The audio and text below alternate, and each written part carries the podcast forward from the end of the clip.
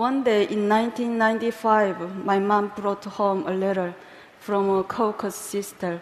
It read, When you read this, our five family members will not exist in this world because we haven't eaten for the past week.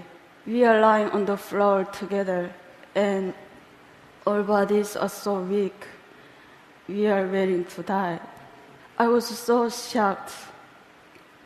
This was the first time I heard that people in my country were suffering.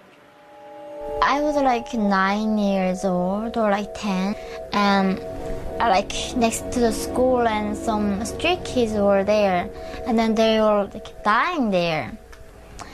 But I saw that too many times, so I did not know it was really sad thing. We were never allowed to discuss the outside world. As the students of science and technology, many of them were computer majors, but they did not know the existence of the internet. And I could not tell them. En intussen word die land se musiek tot 'n groot mate gebruik om die leiers te bevorder.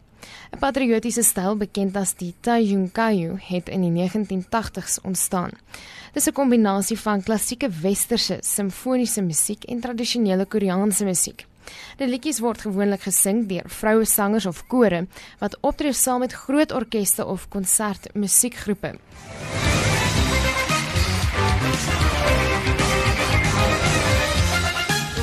In 2012 is die land se eerste vroue musiekgroep, die Moranbang Band, op die been gebring.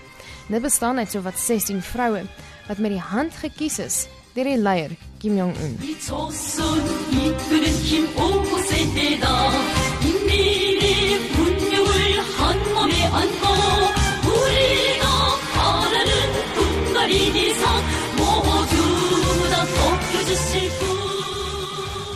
Die liedjie se naam is We Follow Only You en van die lirieke lees as volg. Hy is die sterk mag wat Korea lei.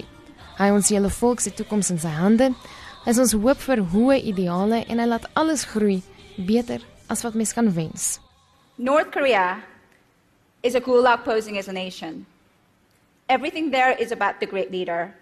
Every book, every newspaper article, every song, every TV program, there is just one subject The flowers are named after him. The mountains are carved with his slogans.